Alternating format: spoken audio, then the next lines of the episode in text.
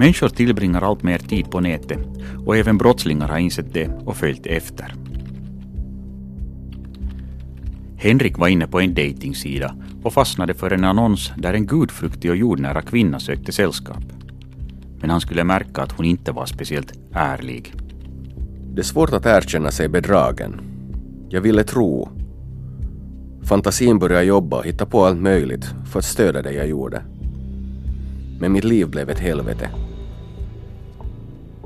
Anna trodde att hon byggde sitt professionella nätverk. Personen hon kom i kontakt med var ett proffs. Han var väldigt bra på att lura människor. Jag har vuxit upp med det finländska tankesättet att man kan lita på människor. Att en persons ord håller. Men nu var det inte så.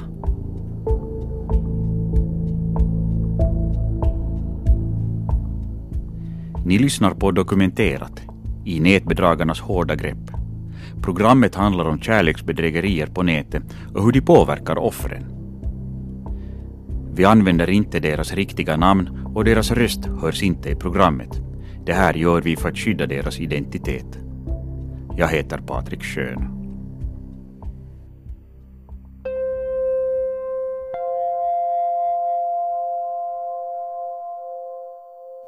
På det sociala nätverket LinkedIn ska man knyta kontakter med människor i samma bransch eller som har samma professionella intressen. Anna är en kvinna med akademisk utbildning i södra Finland. En amerikansk man som vi kallar Tom, en konsult aktiv bland annat inom byggbranschen, ville bli hennes kontakt. På profilbilden poserade han med pilotglasögon på sig och verkade vara i cirka 40-årsåldern. Hon hade jobbat inom byggbranschen och kände människor i den så utan att tänka desto mer godkände hon honom som kontakt. Själva idén med LinkedIn är att man ska nätverka och vara utåtriktad och se vad det finns för möjligheter. Och även om jag i vanliga fall inte brukar godkänna personer som jag inte känner så tänkte jag att vad kan nu vara så farligt med det här? Snart skickade han ett meddelande som hon tyckte var aningen udda. Han ville lära sig känna henne bättre på LinkedIn brukar han bete sig professionellt, skrev han, men nu kunde han inte låta bli. Jag tyckte det var konstigt, men jag fortsatte kommunikationen. Det var nu som när två människor som inte känner varandra speciellt bra diskuterar. Han lät förstå att han var intresserad av en gemensam framtid, men det var att gå saker och ting i förväg, tyckte jag. Hon ställde honom frågan varför hans engelska var så neutral, icke-amerikansk. Han sade att han hade en amerikansk och en europeisk förälder. Det skulle visa sig att han alltid hade en förklaring. Nu hade han fått ett byggprojekt i Sydafrika som han skulle slutföra. Efter det skulle han komma till Finland för att träffa Anna. De chattade en tid medan han var i Sydafrika, men sen försvann han. Hon förmodade att han hade fullt upp med projektet och glömde bort honom tills han en dag tog kontakt igen. Han var intagen på ett sjukhus och behövde hjälp med sjukhusräkningen. Det var nu det hela började. Jag var inte förtjust i tanken och sa nej. Jag förstod inte varför han vände sig till mig som han knappt kände. Men han förklarade att det inte fanns någon annan som kunde hjälpa. Efter två dagar hade han fått mig övertalad. Jag hade pengarna, det var 2000 euro, så på det sättet var det inget problem. Det handlade om ett lån, sa han och det trodde jag då. Hans mål var att bli frisk och lämna sjukhuset. Sedan skulle han avsluta byggprojektet och få ett stort arvode. Efter det skulle han komma till Finland och betala tillbaka lånet. Men han blev aldrig frisk.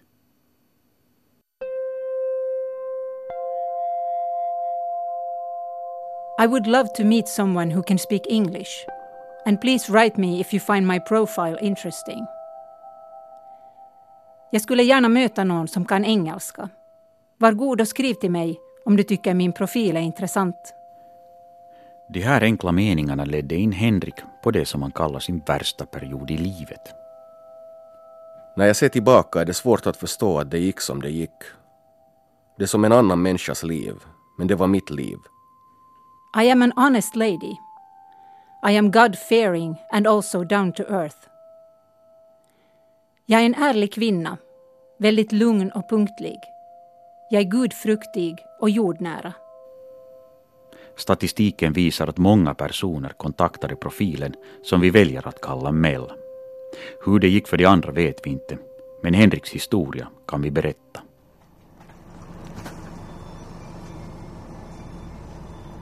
Henrik är en medelålders man bosatt i Nyland. Han skäms över det egna beteendet och hur han lät sig luras av en kvinna han aldrig har träffat. Men för honom blev hon lika riktig som vägen till jobbet. Hon kändes lika äkta som personerna han umgicks med under dagens lopp. Det är mycket en e-postadress kan göra. Jag hade slutat tro på vårt äktenskap och vi hade separerat. Sen var det nog allt det vanliga. Stress på jobbet, människor jag kände dog. Till och med hunden blev sjuk och när det gjordes en renovering i husbolaget så gick det åt skogen. Och det tog tid att reda upp och dyrt blev det. Det kändes som om allt misslyckades. Men jag stannade aldrig riktigt upp och kände efter hur jag mådde. En dag när han satt och surfade på nätet beslöt han sig för att gå in på Suomi Treffit 24, en dejtingsida. Jag såg en intressant kvinna. Efter några dagars tvekan skickade jag henne ett meddelande.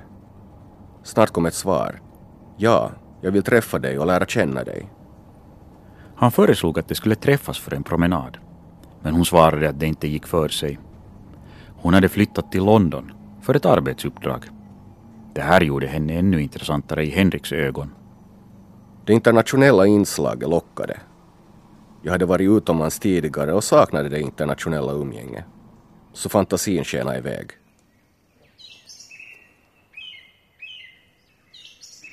I början var kommunikationen trevlig. Små alldagliga meddelanden om lite allt möjligt. Inga djupsinnigheter direkt. Men en hel del smicker och uppskattande ord. Vad man tyckte om att göra och vad man drömde om. Hon sade sig jobba i London, men vara från USA. Hennes numera avlidne man hade haft finländska rötter. Vi skrev lite allt möjligt, mestadels harmlöst och småtrevligt. Det som jag nu inser är att de kartlade mig, tog reda på hurdan jag är. Jag säger de eftersom jag tror att det är många människor som var inblandade. Men det förstod jag inte då. De umgick främst via Google Hangouts, en meddelande tjänst där de skrev till varandra. En dag kom ett meddelande som innehöll en hemlighet. Kvinnan var änka och hennes man hade lämnat ett miljonarv till henne som hon skulle få bara delningen avklarades. Jag hade ju hört talas om Nigeria-brev där arv används för att lura människor. Men jag förstod inte att nu drabbar det mig. Arvet var en detalj i hennes liv som hon ville dela med mig. Hon sa att jag var viktig för henne.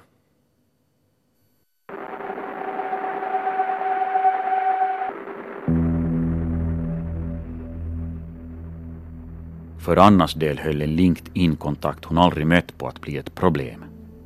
Mannen låg på ett sjukhus i Sydafrika. Byggprojektet han jobbade med hade problem på grund av hans sjukdom och hon var den enda som kunde hjälpa. En läkare ringde upp och förklarade att det var nödvändigt med en operation, annars skulle han inte klara sig. Och jag skulle få en ny räkning. Jag förde en slags inre kamp om jag ska betala eller inte, men två, tre dagar senare hade jag övertalats. Övertalning är kanske ett lindrigt begrepp. De ringde mig tiotals gånger om dagen. Till sist gav jag efter för att få lite lugn och ro. Dessutom blev hon nu indragen i mannens företags affärer. Det blev hon som skulle ro i land hans nästa byggprojekt. Det skulle äga rum i Turkiet. Flera personer ställde nu krav på henne. En projektchef vid ett turkiskt oljebolag började sända henne mejl och efterlysa hennes närvaro vid Hotell Hilton i Istanbul för att kunna sparka igång projektet. Men först måste hon ordna kontraktet och vissa delbetalningar. Hennes tid gick nu åt till att reda ut andra människors problem. När hon fått den egna arbetsdagen undanstökad började nästa. Från att ha levt ett lugnt och ordnat liv var hon nära anhörig till en sjukhuspatient i Sydafrika och projektchef i Turkiet. Hon motiverades av en sak. Anna ville få tillbaka pengarna som hon hade lånat. Hon trodde att det skulle lyckas om hon rodde i land projektet. En uthyrare av lyftkranar skickade räkningar från Turkiet. Hennes hårda arbete fick beröm. Good morning, madam. We are most impressed with your efforts and we will be expecting you here soon. God morgon! Vi är imponerade över er insats och ser fram emot att träffa er snart. Vi vill gratulera er till att ert företag nu har tilldelats projektet. Vi ska sända er alla relevanta dokument och uppgifter om när ni bör vara i Istanbul, Turkiet. Hon var som en hasardspelare som har förlorat pengar, men nu försöker få tillbaka förlusten genom att spela mer.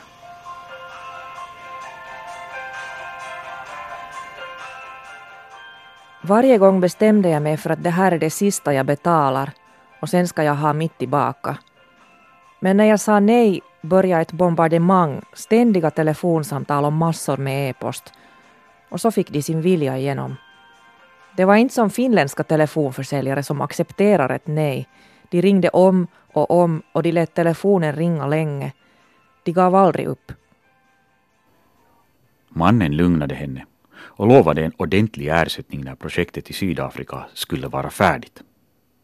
För att stilla hennes oro skickade han en bild på en check som han hade.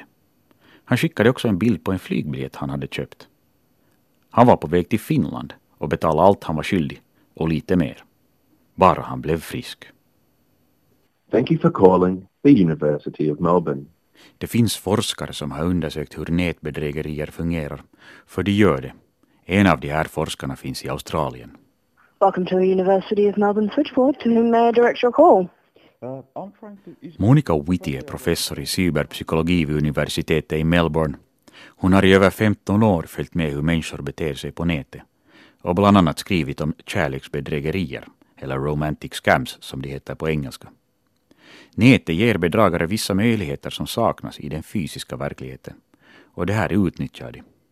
Important to understand that uh, criminals will develop a very close relationship with these uh, potential victims. So online you can develop a relationship more quickly and more intense than perhaps in the physical world.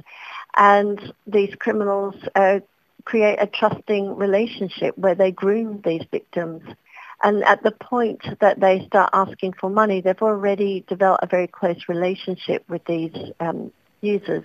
Hon säger att en stor del av bedragarna är väldigt skickliga och de använder sig av psykologi och olika försäljningstekniker. På nätet går det fortare att skapa ett förhållande som är mer intensivt än i den fysiska världen. De kriminella förbereder offren så att de har ett djupt och meningsfullt förhållande när de egentligen ber om pengar. Och ber de om för mycket pengar och får back återkommer de med ett nytt, lägre bud. Det handlar om prissättningsteknik helt enkelt. And then they create a narrative that keeps them into that relationship where they socially isolate uh, the victim and they um, keep them close by texting them and calling them in the middle of the night, keeping them exhausted. De utmattar ofta offret genom att ständigt hålla kontakt via en kontinuerlig ström av meddelanden och samtal, även mitt i natten. Det här gör ofta offren trötta och trötta människor är lättare att styra. Dessutom isolerar bedragarna offren socialt och säger att de inte ska berätta om deras lilla hemlighet till andra människor.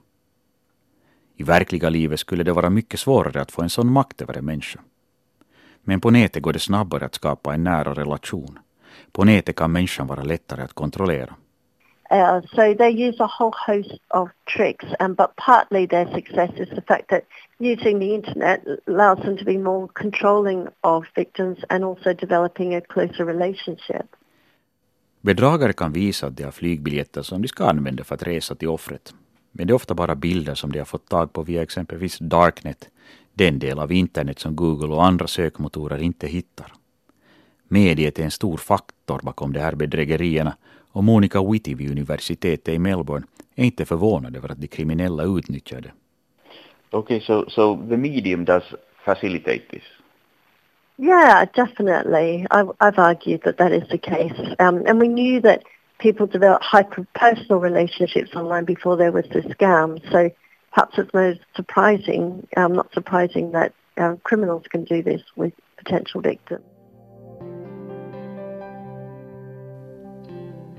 Henrik hade fått veta att kvinnan han träffat på en dejtingsida skulle få ett arv.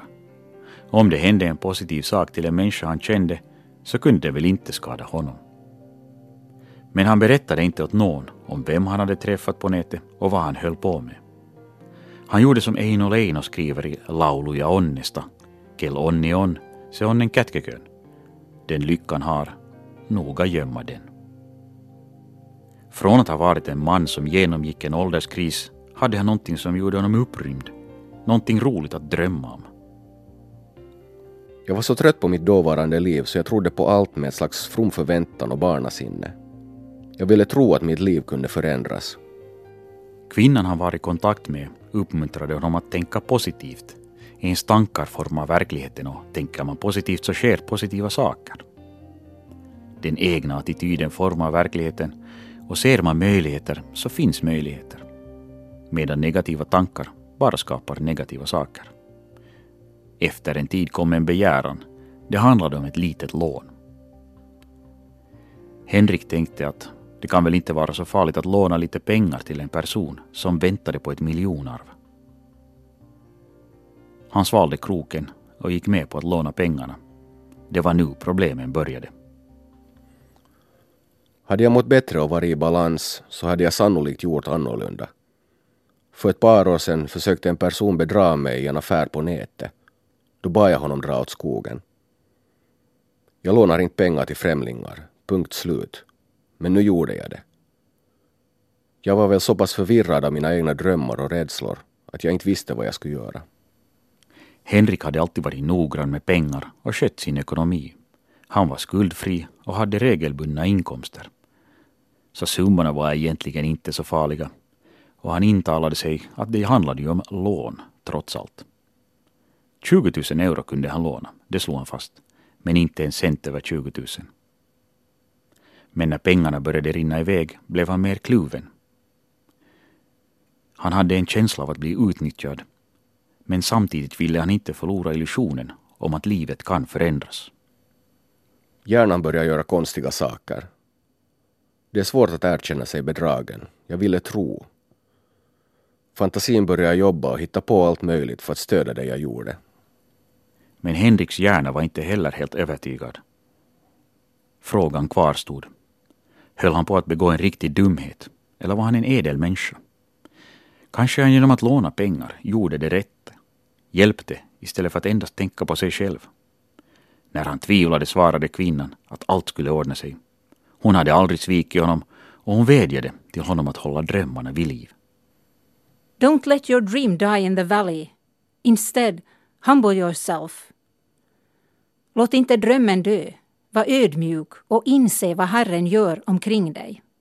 The Bible is so very encouraging when we come to times like this. Listen to what Jesus said. He said, Let not your Inbäddat i meddelandena fanns länkar till amerikanska religiösa radiokanaler.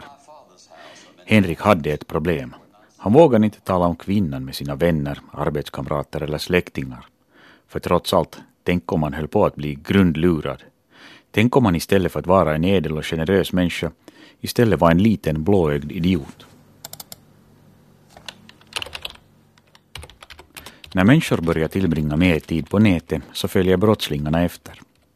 Men när folk blir lurade på nätet så tar de nödvändigtvis inte kontakt med polisen. Helsingforspolisen har en enhet som har specialiserat sig på bedrägerier och det uppskattar att det kommer ungefär tiotals kärleksbedrägerier årligen i Helsingfors. Men mörkertalet kan vara stort, säger kriminalkommissarie Hannu Kortelainen, undersökningsledare vid Helsingforspolisen.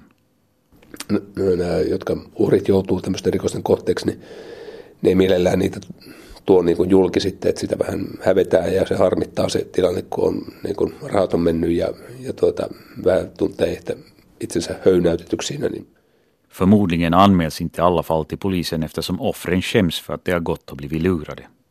Rent ekonomiskt drabbar de här brotten offren hårt. Summorna som personerna går miste om rör sig mellan tiotals till hundratusentals euron. No kyllä näistä, näistä mitä niin kuin meidän tietoon on tullut, niin ne on ihan kymmeniä, jopa satoja tuhansia, että, että ne on niin kuin yksilökohtaisesti aika merkittäviäkin taloudellisia vahinkoja. Finländare skickar uppskattningsvis över 5 miljoner euro årligen till kärleksbedragare enligt en uppskattning som banken Nordea har gjort. Enligt Hannu Kortelainen vid Helsingforspolisen följer bedragarna ett visst mönster. De jobbar länge med att bygga ett förtroende och de kan hålla på i flera år. Tietysti jos niin keltä tahansa kysytään, että lähtisitkö nyt antamaan 200 000 vaikka jollekin ventovieraalle ihmille, niin ei, ei varmaan kukaan kerralla lähde tämmöistä suorittamaan, mutta tuota, nämä tapahtuu niin kuin pikkuhiljaa. Tämä saattaa kestää tämä huijaus niin kuin kuukausia, jopa vuosia, ja nämä alkaa pikkusummilla. Luottamusta rakennetaan pikkuhiljaa, keksitään erilaisia tarinoita ja tämmöisiä yhdistäviä tekijöitä on samanlainen perhetilanne tai, tai joku muu yhdistävä sairaus tai joku tämmöinen. Om någon på rak arm skulle be om 200 000 euro så skulle ingen gå med på att ge den summan. Men bedragarna jobbar med att hitta förenande faktorer. Det kan gälla civilstånd, antalet barn eller en sjukdom. Egentligen vad som helst som skapar en relation och ett förtroende. Så även om personerna aldrig har träffat varandra så får offret en känsla av att känna och lita på bedragaren. Meddelandena kommer regelbundet och de är trevliga och så småningom har främlingen på nätet blivit en vän. Och att skicka pengar till en vän är kanske inte helt fel, trots att han eller hon fortfarande i allra högsta grad är en främling på nätet. För polisen är det här svåra brott att lösa. Spåren leder utomlands, ofta till Västafrika och Nigeria. Polisen har inget mandat att göra brottsutredningar i andra länder. En begäran om en handräckning leder inte nödvändigtvis till någonting. Så ur brottslingarnas synvinkel är det här, om inte det perfekta brottet, så i varje fall ett väldigt bra brott. Kohtuullisen isosta summista puhutaan ja kiinnijäämisriski on aika pieni, jos se menee niin kuin monen valtioalueelle. Risken att bli fast är liten och summorna som de hovar in är stora.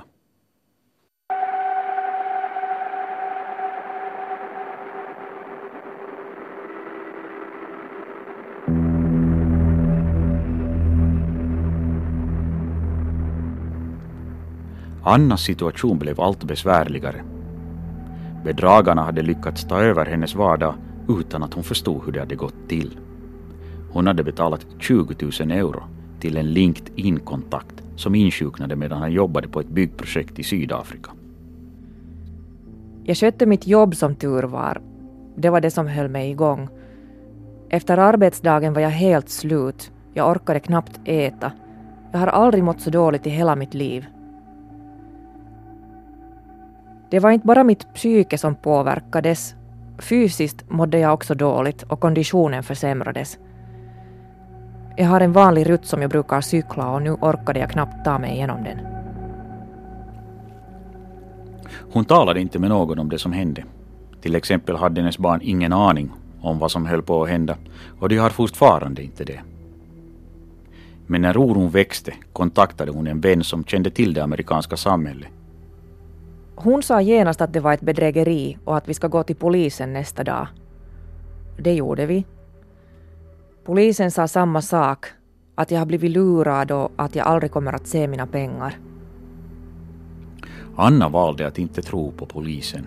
Hon säger att vid det laget var hon redan så påverkad av bedragarna och hon kunde inte ge upp det egna målet, att få tillbaka de pengar hon hade lånat. Om jag skulle sluta tro så skulle jag erkänna att jag hade blivit lurad och att mina över 20 000 euro var försvunna. Så hon fortsatte som förr. Hon gjorde sitt yttersta för att övertyga den turkiska samarbetspartnern om att de kommer att slutföra projektet. Hon var i regelbunden kontakt med dem och hon betalade in summor som de krävde. Det var ett slags Stockholmssyndrom. Jag hade utvecklat en lojalitet. Det var svårt att dra sig ur den relationen nu inser jag att jag borde ha bytt telefonnummer och e-post och sagt upp kontakten och tagit smällen. Men i det läget så kunde jag inte. Jag kommer ihåg att jag försökte reda ut om sjukhus i Sydafrika kan ge ut personuppgifter till utomstående. Och personen som jag talade med, det var någon tjänsteman, sa att det lät som ett bedrägeri. Men jag fortsatte betala. Jag fortsatte betala också efter att polisen i Finland sa att det var ett bedrägeri. Finns det då någon förklaring till att vanliga människor med utbildning och jobb går på nätbedrägerier?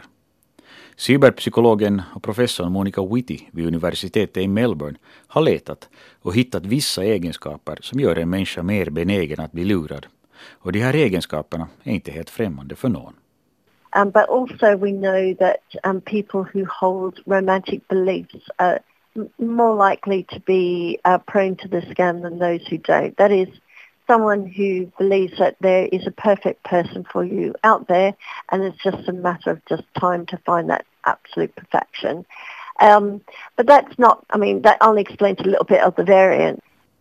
Enligt Monica Whitty har romantiskt lagda personer en större risk att gå på bluffar. Det är alltså personer som tror att det finns en viss speciell person som är den perfekta partnern. Det gäller bara att hitta den rätta. Hon lyfter också fram vissa andra egenskaper exempelvis impulsivitet och dålig självkontroll, gör att man snabbare skickar iväg pengar när en bedragare skriver om en kris och ber en agera fort. Offren var också aningen mer benägna att söka starka upplevelser och vara äventyrslystna. Det är lättare för dem att tro på berättelser som de blir serverade av bedragarna. Monica Wittys undersökning visar att offren har ofta en högre utbildning.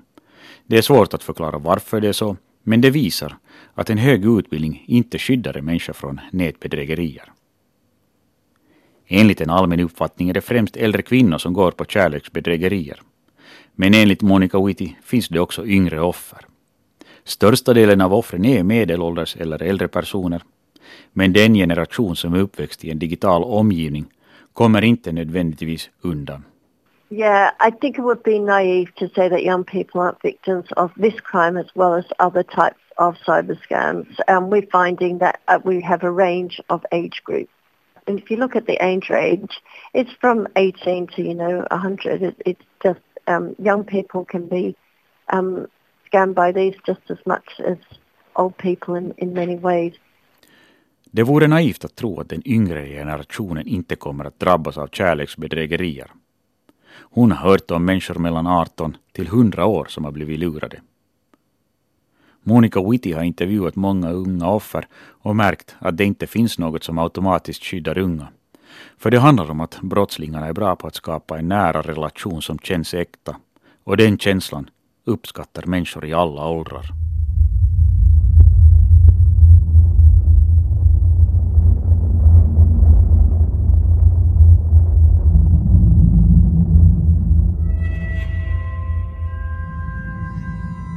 Henrik hade tröttnat på att skicka pengar till en kvinna han träffat på en dejtingsida. Men när han uttryckte sin ilska kom det alltid uppmuntrande meddelanden tillbaka. De sa, tänk positivt, se möjligheter. Det fungerar. Det är så vi ska tänka idag. Jag hade sagt att jag är troende. Det använde de också för att hålla mig på plats. Here's my question for you. Do you have a sense of how God is using your current circumstances to prepare you for a great calling? Den här frågan vill jag ställa dig. Inser du hur Gud förbereder dig för ett större kall via dessa prövningar? Han fick höra att han var en person med en hög moral och god etik som valde att hjälpa. Att hjälpa en främling. Han var nästan som den barmhärtiga samariten han som hjälpte en främling som överfallits av rövare, som förde honom till värdshuset och betalade för främlingens vistelse där. Den som älskade sin nästa som sig själv. Kvinnan hade blivit sjuk och behövde pengar. Juristen som skötte om arvet mejlade också om åtgärder som krävdes för att arvet skulle kunna betalas. Nu var det flera som bombarderade Henrik med meddelanden. De hade en taktik och jag hade ingen aning om vad jag skulle göra. De hade en armé medan jag var ensam. Jag ville bara få mina pengar tillbaka och sen aldrig mer vara i kontakt med dem. Han var trött och besviken och när han bad om att få tillbaka sina pengar skickade de en bild av en check som han skulle få. Han blev nyfiken och ville veta vad det var, så han gick till en bank. Bankfunktionären sa att hon har ingen aning om den var äkta. Fråga personen du fick den av, tyckte hon, alltså bedragaren. Efteråt så har jag önskat att någon på banken sagt att mitt beteende var konstigt och att jag borde tänka på vad jag håller på med. Men de var för artiga för det. Min verklighet var konstig. Jag var i en helt annan värld. Vid det här laget förstod han att han behövde hjälp. Men han vågade inte riktigt kontakta någon. Och dessutom visste han inte vem som skulle vara intresserad av att lyssna på en person som har skickat en massa pengar till en främling. Han blev ensammare och ensammare. I ett skede kom ett löfte att hon skulle komma till Finland och med sig skulle hon ha pengarna. Så problemet skulle äntligen vara ur världen, tänkte han. Jag åkte ut till flygfältet. Ingen kom. Jag blev nervösare och nervösare. Jag blev allt otåligare. Klockan gick. Det blev sent.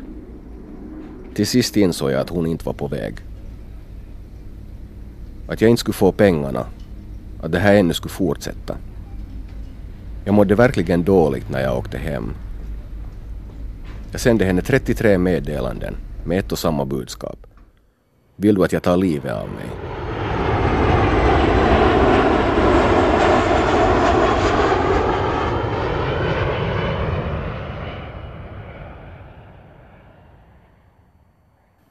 De 33 meddelandena bemöttes med en fem dagars tystnad.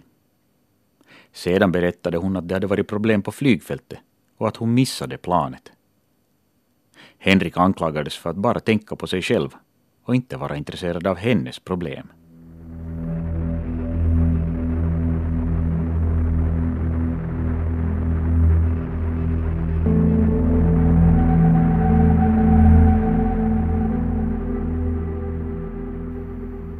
Förändringen för Annas del kom när hon talade med ytterligare två personer. En vän som hade jobbat på en bank och en släkting. Hon berättade vad hon hade blivit inblandad i. De förstod att problemet var stort och att hårda tag krävdes. Om bedragarna bedrev en intensiv indoktrinering så bedrev Annas närstående nu en nästan lika hård motkampanj. De sa om och om igen att jag inte ska betala. Att jag ska sluta svara i telefonen och att jag inte ska svara på mail. Jag trodde inte på dem till en början men de lyckades hålla mig borta genom att så gott som dagligen vara i kontakt med mig. Så småningom började det sjunka in. Men jag behövde någon som var på mig ständigt. Jag behövde någon som vaktade mig. Anna säger sig ha läst om Nigeria-brev på nätet men att LinkedIn skulle vara en plattform för sol och vårare kunde hon inte ana. Hon har inte blivit lurad tidigare och hon säger sig inte vara en speciellt godtrogen människa. Men hon känner igen en svaghet som bedragarna förstod att utnyttja. Jag är snäll. Jag tror de söker upp människor som ser snälla ut, som inte kan säga nej. Hon förlorade 30 000 euro. Nu har några år gått och hon säger sig ha kommit över det värsta. Men det har varit en tung resa och hon har bland annat fått krisvård. Det som plågar mig mest är att en person säger att man betyder någonting och att han ska behandla en rättvist och sen bara tar ens pengar och försvinner. Då har du en avgrund under dig. Jag har vuxit upp med det finländska tankesättet med att man ska lita på människor. Att en persons ord håller. Men nu var det inte så. Hon är knappast hans enda offer. I något skede medan de kommunicerade intensivt märkte hon att han hade fått nya kontakter bland annat en sjukskötare från Australien. Med tanke på att han var en amerikansk konsult och aktiv i byggbranschen främst väcktes frågan varför skulle han ha kontakt med en sjukskötare från Australien? Pengarna hon betalade förmodar hon har runnit iväg till Västafrika. Hon har valt att inte tala om sina erfarenheter med sina vänner och bekanta. Jag kommer ihåg när jag besökte en god vän. Det kom något på TV om folk som blivit lurade av Nigeria-brev min vän sa att vem fan är så dum att man går på något sånt? Rätt svar hade varit jag. Men hon hade aldrig trott mig så jag sa ingenting. Hon strävar nu att gå vidare med sitt liv och glömma det som har hänt. Bitterheten har jag kommit över men det tog tid. Nu försöker jag gå vidare som om det inte hade hänt. Lite mer misstänksam är jag kanske men jag försöker att inte tänka på det som har hänt. Det är ingenting som jag kan göra längre åt saken.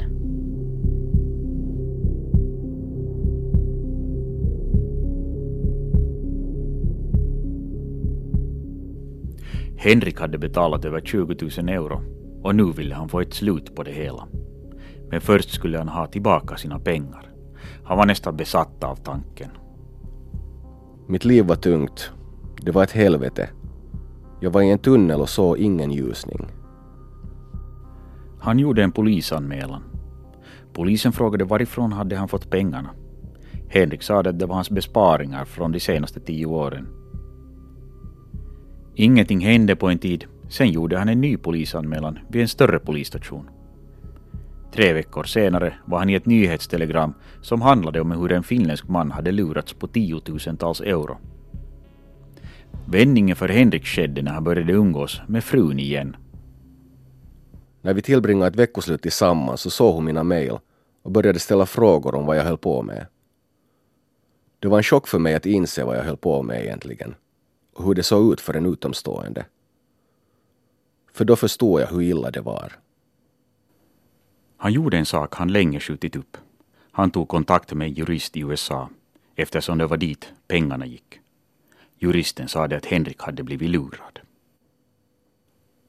I USA har bedrägerierna varit framme och i synnerhet företaget Western Union har kritiserats. År 2017 medgav Western Union att det har underlättat penningtvätt och bedrägerier. Som en följd av det här ska bolaget betala 586 miljoner dollar till offer för olika sorter av bedrägerier. Det här är enligt ett beslut från amerikanska myndigheter.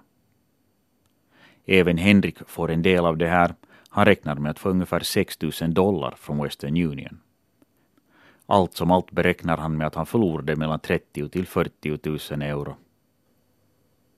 Jag har tvingats bearbeta det jag varit med om. Både med mig själv och med vårdproffs. Jag har lärt mig att jag hade vissa grundläggande problem med att vara människa.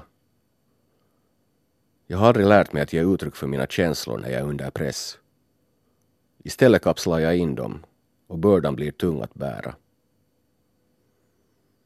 Jag mådde inte bra och jag hade inga medel att hantera de besvärliga känslorna. Som barn lärde jag mig aldrig att be om hjälp eller att berätta om sånt som gjorde mig ledsen. Om jag berättade om problem förväntade jag mig att bli bestraffad. Jag växte upp i en atmosfär som präglades av rädsla. Jag har blivit uppfostrad att klara mig själv. Därför kunde jag inte be om hjälp när jag var sårbar. Jag var helt enkelt ett lätt offer. Polisutredningen lades ned eftersom den skulle vara arbetsdryg och det är osannolikt att gärningsmännen skulle kunna gripas. Ledtråden var ju en e-postadress. Bedragarna bjöd in honom till Florida. Han skulle ta med sig 5 000 dollar. Han tackade nej. Hur det mötet hade slutat vill Henrik inte tänka på. Senare fick han en dödsattest via e-post. Kvinnan hade dött. Dödsorsaken var bröstcancer. Sjukhusets namn var felstavat.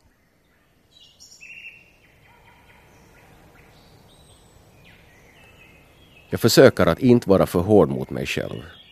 Hänt är hänt. Som tur har jag mitt jobb kvar. Jag är väldigt tacksam för allt min fru gjorde. Hon är den avgörande personen som räddade mig ur det här helvetet som jag hamnat i. Och vårt parförhållande fungerar bra nu.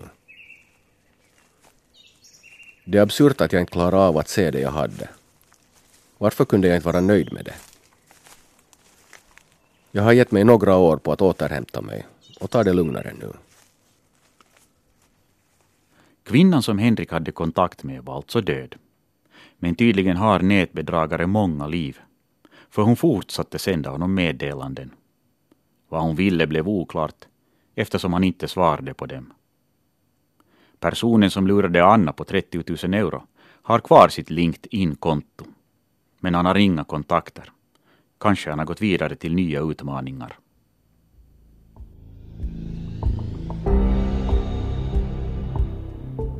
Ni har lyssnat på Dokumenterat i nätbedragarnas hårda grepp. Med uppläsning medverkade Stefan Nordgren, Eva Pursiainen, Johanna Grönqvist och Joakim Runt. Anne Heikkilä svarar för ljudplanering. Jag heter Patrik Schön. Producent för Dokumenterat är Staffan von Martens.